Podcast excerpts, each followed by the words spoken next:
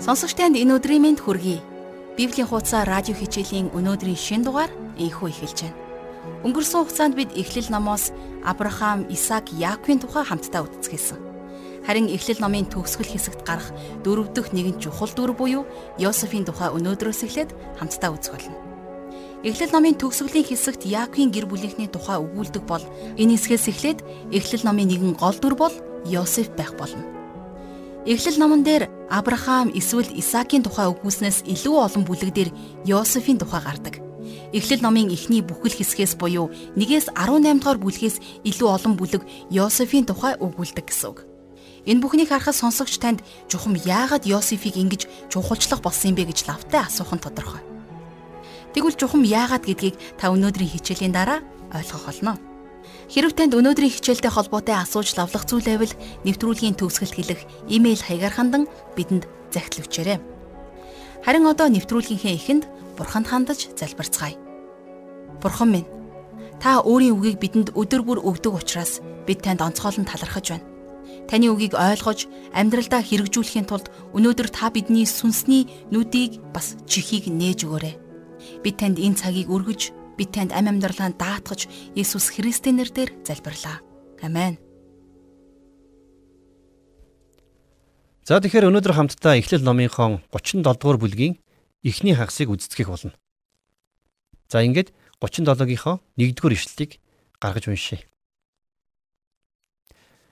Яаков эцгийнхээ сууж байсан газар Канааны нутагт амьдран суужээ. За Яаков бол Бэтлехемийн өмнөд хэсэг дэх Хеброн гэдэг газар нүүж ирсэн. За энэ бол Авраамийн амьдарч байсан газар. Бурхантай уулзаж бас нөхөрлөж байсан яг тэр газар нь байгаа юм. За хоёрдугаар ишлэлийг харах юм бол Яаковын үр удмынхан энэ болоо. 17 настай залуу хүү Йосеф ах нартайгаа хонь хариулж байхад эцгийнх нь татвар ихнэр Билха, Зилпа хоёрын хөвгүүд хамт байлаа. Йосеф эцэгтэй тэдний талаар сайнгүй мэдээ авчирчээ. За Йосеф Биньямин хоёроос бусад Яаковын ихэнх хөвгүүд нилээд асуудал үүсгдэг залуучууд байсан. За Бурхны заах хичээлийг сурч ойлгоход тэдэнд олон жил шаардагдсан. За энэ хэсгээс эхлээд гол дүр нь Яаков биш. За харин түүний хүү Йосеф болж байгааг нь та анхаараарай. Энэ үйл явдал болох үед Йосеф 17 настай залуу байлаа. Хонь хариулж байсан хөвгүүдээс хамгийн залуу нь Йосеф байсан. За харин Биньямины хувьд бол тэр бүр жаахан байсан учраас гэрте байдаг байлаа. За гэтэл Йосеф бусад хөвгүүд болох ах нарын талаар таагүй мэдээг эцэгтэй авчирч байна. За мэдээч хэрэг тэд нар тэрэнд дургүй байсан. Йосефийг урвагч, ховч гэж нэрлэж байсан гэдэгт би итгэлтэй байна. За цааш нь харъя 3 дугаар ишлэлээс Израилийг өндөр настай болсон хойно Йосеф төрсөн тул тэрээр түүнийг бусад хүүгүүдээсээ илүү хайрлаж түүнд урт тансаг дээл хийж өгчээ. За тэгэхээр хүүхдүүдтэй ялгууртай хандах нь ямар их асуудал үүсгдэг болохыг Яаков уулын өөрийнхөө гэр бүлээс сурах ёстой байсан юм. Яаковын хувьд төрсэн эцэг нь ахт нь илүү сайн ханддаг байсан болохоор гадуурхагдан үлднэ гэдэг ямархуу байдгийг өөрөө сайн ойлгосон байсан. А гэтэл тэр энд яг адилхан зүйлийг хийж байна. Нэг талаас бид нар түүний сэтгэлийг ойлгож болох юм.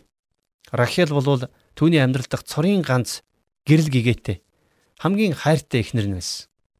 А Йосеф Рахелийн хүү байсан төдийгүй за өөрөө ч гэсэн маш сайн хүү байсан учраас Яаков тэрэнд тун их хайртай байж. За хэдийгээр энэ бүхэн үнэн боловч энд шалтак болж болохгүй. За нарийнда бол Яаков Йосефт илүү тансаг урт дээл хийж өгөх ямар ч хэрэггүй байсан. За тэгээд урт тансаг дээл гэдгийг бид нэр урт ханцуутай олон өнгөтэй дээл гэж орчуулж болох юм. За тухайн үед дээл хийхдээ за 3 м орчим урттай даавууг дундуур нь нуглаад за голд нь нүх гаргаад тэгээ тэр нүхээрээ толгоондоо угладаг байсан байна. За даавууны тал нь биеийн урдуур унжиж за нөгөө тал нь мэдээж араар нь унждаг байсан. За тэгээд бэлхүүсээрээ бүс бүслэхэд дээл бэлэн болдог байж. За тийм болохоор ийм дээлэнд хамцуу байдгүй байсан. За харин тусгайлан ханцуу хийлгэнэ гэдэг бол маш их онцлсон гэсэн утгатай юм байна. За мэдээч хэрэг дээл нь олон өнгөтэй байгаа нь мөн л бас онцлж үзсэн явдал шүү дээ. За цааш нь харъя дөрөвдүгээр ишлээс. Эцэг нь түүнийг бусад хүүгүүдээс илүү хайрладгийг ах нар нь хараад Йосефийг үзен ядаж түүнтэй ив найртай ярилцаж чаддгүй байжээ. За аав нь Йосефийг илүү хайрлаж байгааг ах нар нь хараад мэдээж дургуутсах нь аргагүй. Тэд нэр бүр эвтэй найртай ч ярилцаж чаддгүй байсан байна. За эндээс бид нар энэ гэр бүлд зөрчил тэмцэл байсан. За тэгээд бүр нилээд хурцтмал байжээ гэдгийг харж болно. За тэгэхээр хэний гэр бүл байх нь хамаагүй. Хэрвээ тэр гэр бүлд гим нүгэл орж ирэх юм бол гэр бүл сүрэх болно гэдгийг би та бүхэнд хэлмээр байна. Гим нүгэл хүний амьдралыг сүрүүлдэг. Гим нүгэл гэр бүлийг сүрүүлдэг. Тэгээ тэрч байтугай гим нүгэл нийгмийг улс орныг ч гэсэн сүрүүлдэг. За энэ бол өнөөгийн бидний гэр бүл, нийгэм, улс оронд нүүрлээд байгаа гол асуудал. А үүнд нэг л шалтгаан байна. Энэ бол гим нүгэл. За тэгэхээр энд Йосеф хэмээх энэ хөвгүн болвол ялгуурлын бай болсон талаар өгүүлж байна.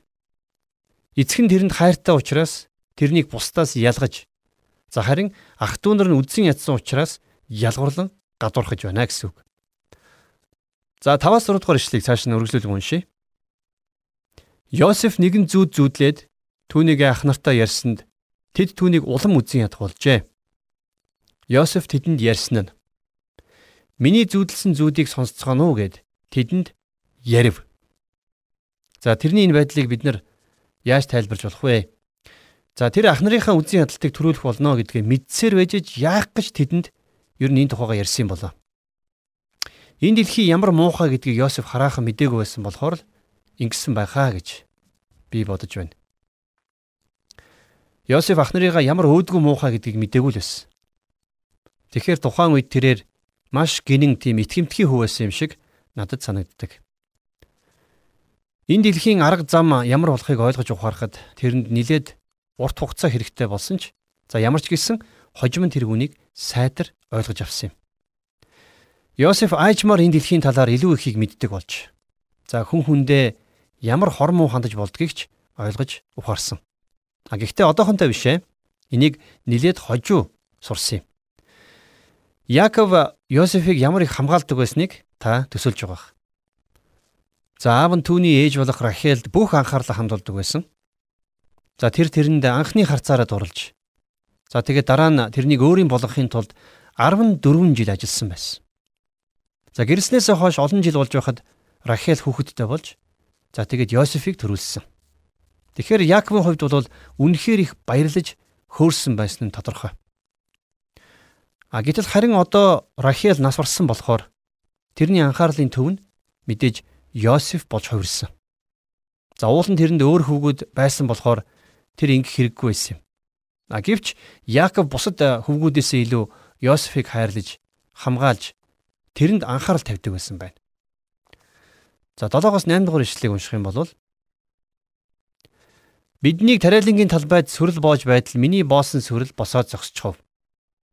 Гэтэл та нарын боосон сүрэл миний сүрлийг тойрон цуглараад түүнд мөрөгцгөөв гэжээ.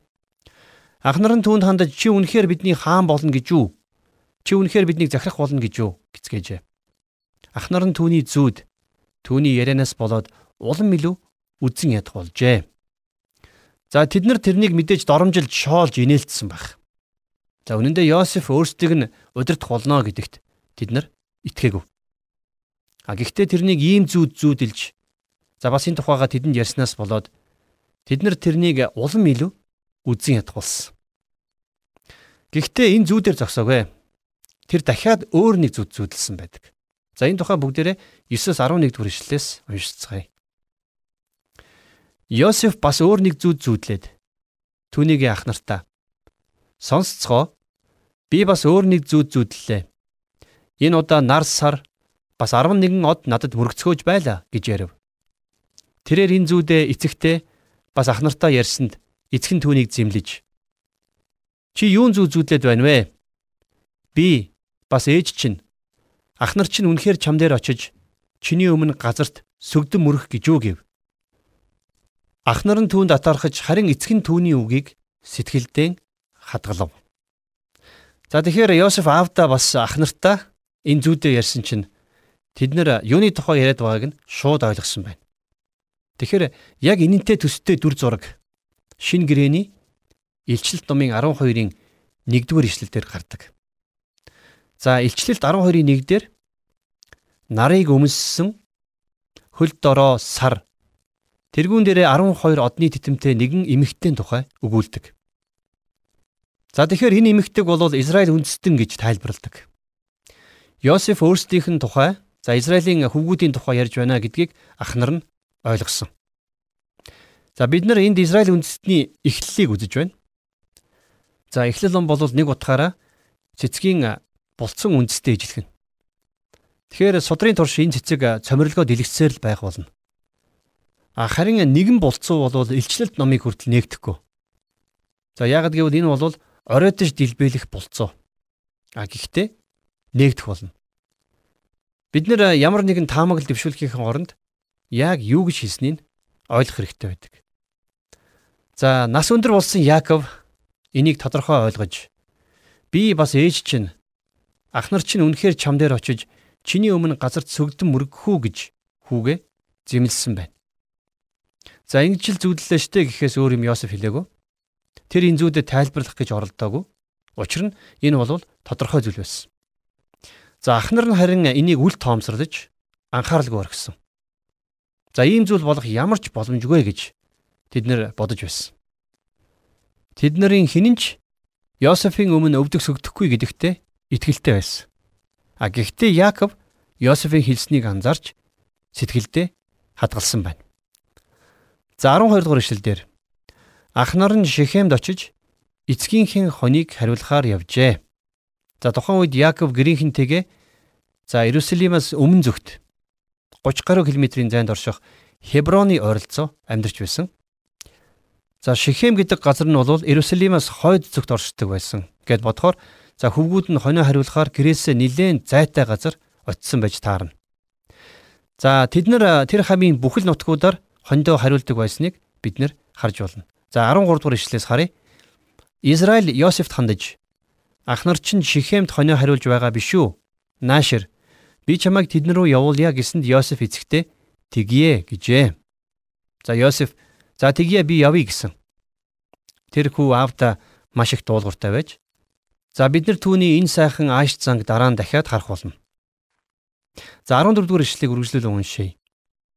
Израиль түүнд одоо чи яваад ах нараа бас хонин сүргээ мэд сайн байгаа эсхийг үзээд надад эргэж хэлгээд түүнийг Хеброны хөндийгөөс илгээжээ.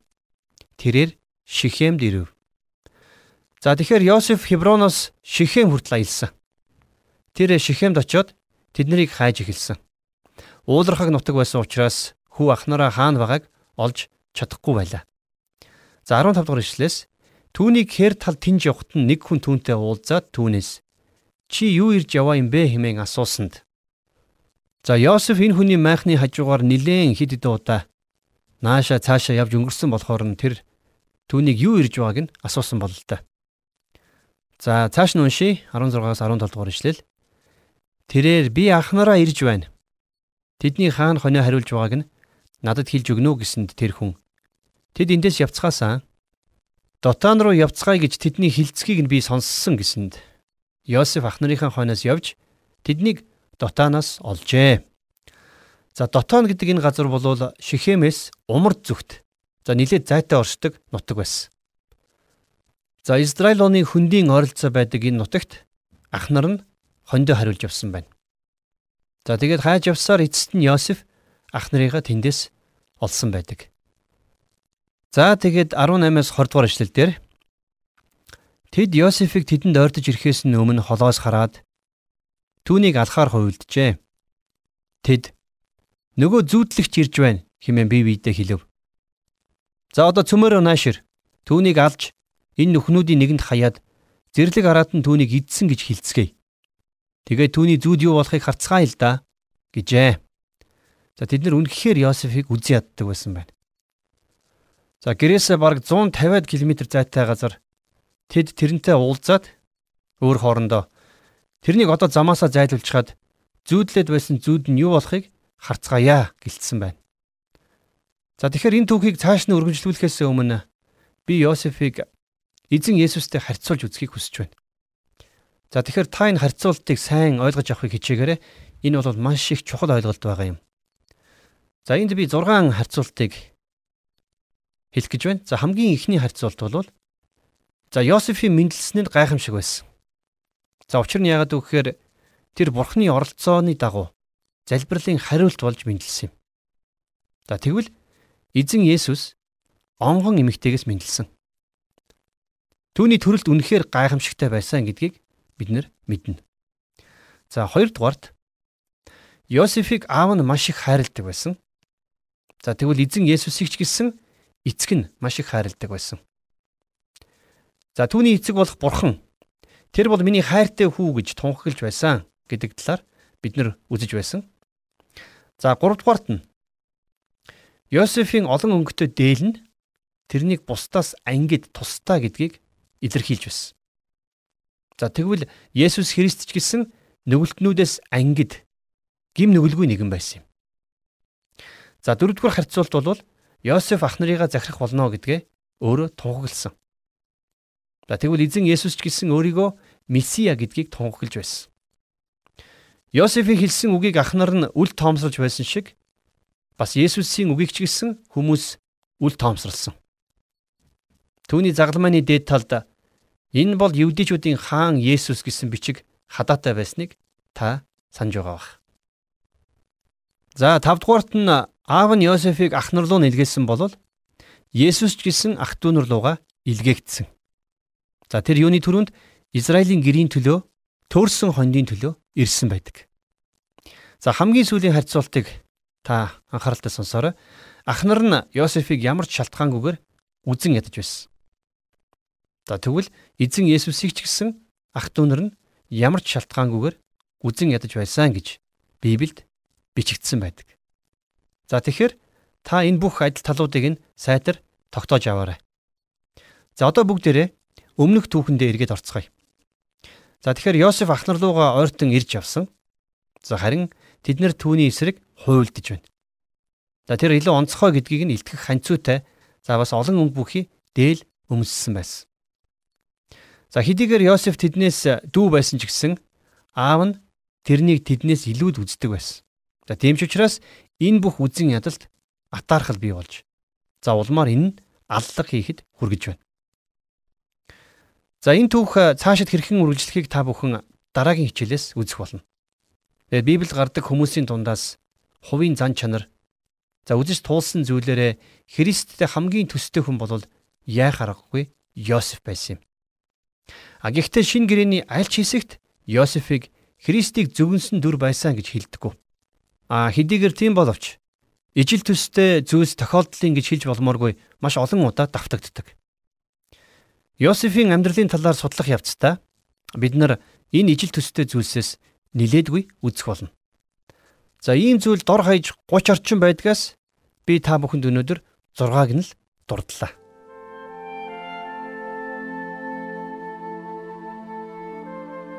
Эцэст нь ах トゥ нараа юу нь үнэн, юу нь хүндэтгэлтэй, юу нь зөв, юу нь цэвэр ариун, юу нь сайхан, юу нь саашаалтай байна. Хэрвээ альва сайн үйл байгаа бол хэрвээ магтууштай ямар нэг юм байгаа бол эдгээр юмсыг бодож санацгаа гэж Филиппой номын 4-ийн 8 дугаар ишлэлдэр хэлсэн байдаг. Яг л ийм үлгэр жишээ амьдралаар Йосеф амьдрсан юм. Бурхан биднийг сайн сайхан, цэвэр ариун, саашааж магтууштай тэрл амьдралаар амьдраасаа замнаасаа гэж хүсдэг. Йосефийн амьдрал яг л ийм байсан юм. Гисэн хэдий ч ах нар нь түүнийг шалтгаангүйгээр үзен ядаж байсан. Өнөөдөр та биднийг хүмүүс шалтгаангүйгээр үзен ядаж хавчиж гадуурх үед та Йосефийг бас Иесус Христийг санаарай. Шинэ гэрээний 1-р Петр номын 3 дугаар бүлгийн 14-р ишлэлдэр бидэнд ийхүү зоригжуулах үгийг эзэн өгсөн байдаг. Харин та нар зөвхт байдлын төлөө зовлон эдлэхэд хүрлээч та нар ерөөлтэй юу? Тэдний сүрдүүлгээс бүү ай, бүү зов гэж урамшуулсан байдаг. Тэгвэл хамтдаа бурхан залбирч тэрхүү урам зоригийг эзнээсээ авцгаая. Бурхан минь та биднийг ивэж Есүс Христэд байсан тэрхүү төвчээр зөвхт байдлаар биднийг гойж, биднийг хувцлааж Таны алдрын төлөө, таны зөвхт байдлын төлөө бат цогсоход та бидэнд өдөр болгон тусалж дэмжлэгийг өгөөрэй. Бид танд амь амьдралаа даатгаж байна. Бүхий л зүйлийн төлөө бид таньдаа талархлыг өргөж Есүс Христийн нэрээр залбирлаа. Амен.